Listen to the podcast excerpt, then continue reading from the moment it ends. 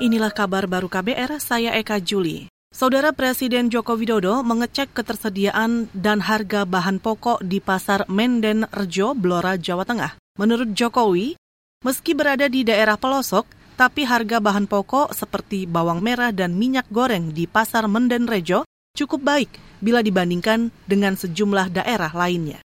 Tadi saya lihat harganya baik, bahkan justru tadi bawang merah harganya hanya di rupiah eh, tiga puluh ribu, yang lain-lain saya lihat kemarin 38, 40, di sini hanya 30 ribu.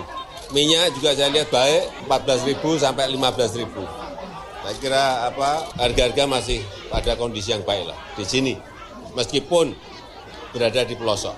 Selain mengecek stok dan harga bahan pokok, Presiden Jokowi juga menyerahkan bantuan sosial untuk para pedagang dan masyarakat di sekitar pasar.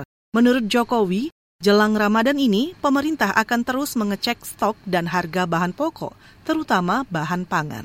Kita ke soal lain, modus kecurangan keuangan dan anggaran saat ini semakin kompleks karena melibatkan banyak pihak, tidak hanya melibatkan kalangan pemerintahan saja, tapi juga swasta. Kepala Badan Pengawasan Keuangan dan Pembangunan BPKP Muhammad Yusuf Ateh mengakui, penindakan kecurangan keuangan juga masih sering menemui kegagalan. Untuk itu, di masa mendatang perlu dilakukan metode dan teknik pencegahan kecurangan keuangan dalam setiap proses audit. Kami sepanjang beberapa tahun ini memang masih mendapati beberapa potret kecurangan lainnya ya. Misalnya modus kecurangan itu memang kami lihat semakin kompleks, semakin terencana dilakukan bersama-sama. Kemudian ini terjadi tidak hanya di ASN ya, ada juga di korporat, di banyak di BUMN dan juga banyak melibatkan pihak swasta. Kepala Badan Pengawasan Keuangan dan Pembangunan BPKP Muhammad Yusuf Ateh juga menambahkan, sepanjang tahun lalu temuan audit terkait kecurangan keuangan masih tinggi, yakni 37 triliun rupiah. Selain itu, uang negara yang bisa diselamatkan 76 triliun rupiah.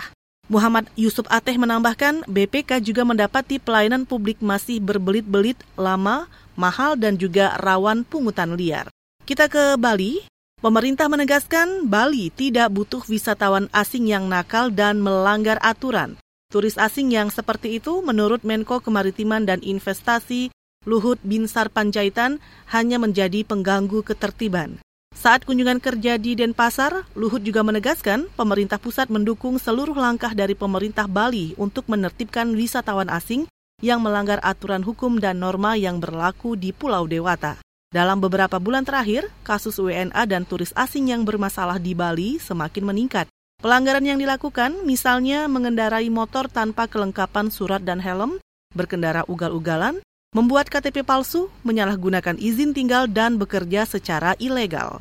Kepala Divisi Keimigrasian Kanwil Kementerian Hukum dan HAM Bali, Baron Ihsan menyampaikan, sejak Januari hingga pekan kedua Maret ini, sudah 22 warga negara asing di Bali yang ditindaklanjuti imigrasi. Dari jumlah itu, WNA asal Rusia menjadi pelanggar terbanyak.